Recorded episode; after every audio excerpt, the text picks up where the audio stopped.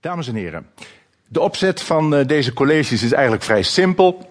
Ik zal in het eerste college enkele algemene vragen stellen. Waarom vieren mensen feest? Waarom doen ze dat in alle culturen, in alle godsdiensten? Waarom hebben ze het altijd gedaan? Waarom zullen ze het altijd doen? We zullen zien dat dat te maken heeft met de noodzaak om markeringen aan te brengen in de tijd. In het tweede college ga ik in op de grote christelijke feesten. Dat zijn vooral kerstmis, Pasen, met de cycli van dagen daaromheen. En Pinksteren.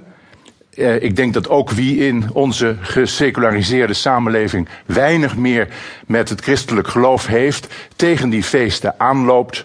Wat betekenen ze eigenlijk? Waarom draaien ze? Hoe ontstonden ze?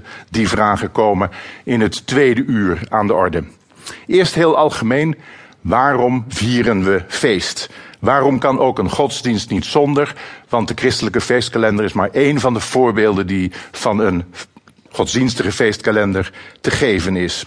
Hoort feestvieren misschien onlosmakelijk bij het menselijk bestaan?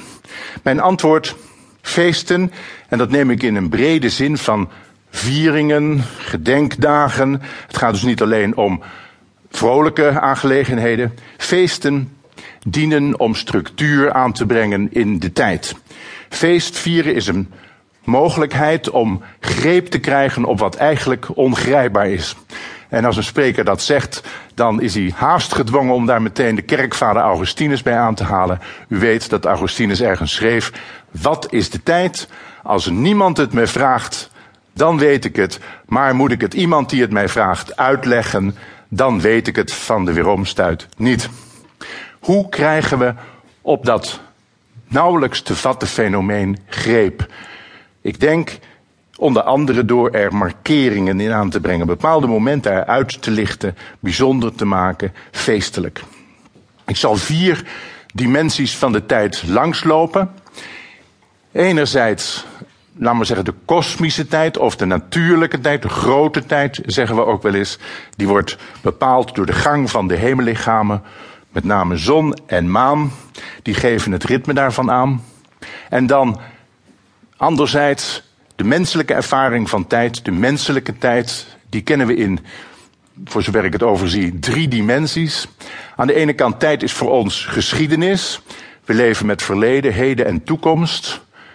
Tijd is alledaagse tijd, van dag tot dag.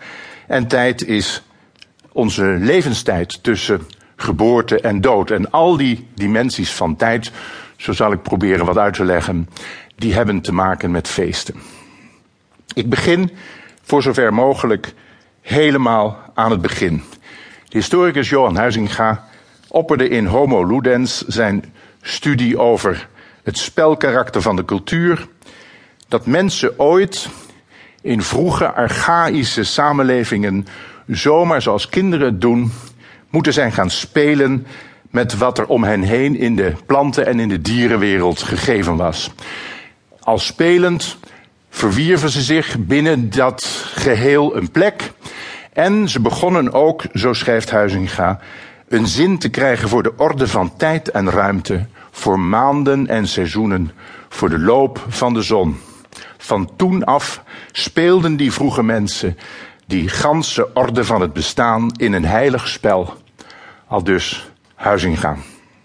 Voortaan werden dus de markante momenten in de tijd benadrukt door feest of plechtigheid. Het aanbreken van de dag, de nieuwe maan, het begin van de lente, een nieuw jaar. En die feesten waren niet zozeer een uiting van vreugde over de wonderbaarlijke ordening van de schepping of van de kosmos, kan ik beter zeggen. Nee, ik citeer weer Huizinga. In en door het spel waarin men die orde uitbeelde, verwerkelijkte men de voorgestelde gebeurtenissen opnieuw hielp men de orde der wereld in stand te houden. Dus die ceremonies die bewerkten dat wat ze uitbeelden, zo geloofde men.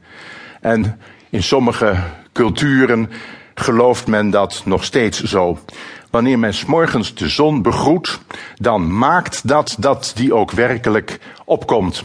Als u mooie voorbeelden wilt lezen over dat fenomeen, over dat soort ceremonies, kan ik u nog altijd verwijzen. Het is al honderd jaar oud naar de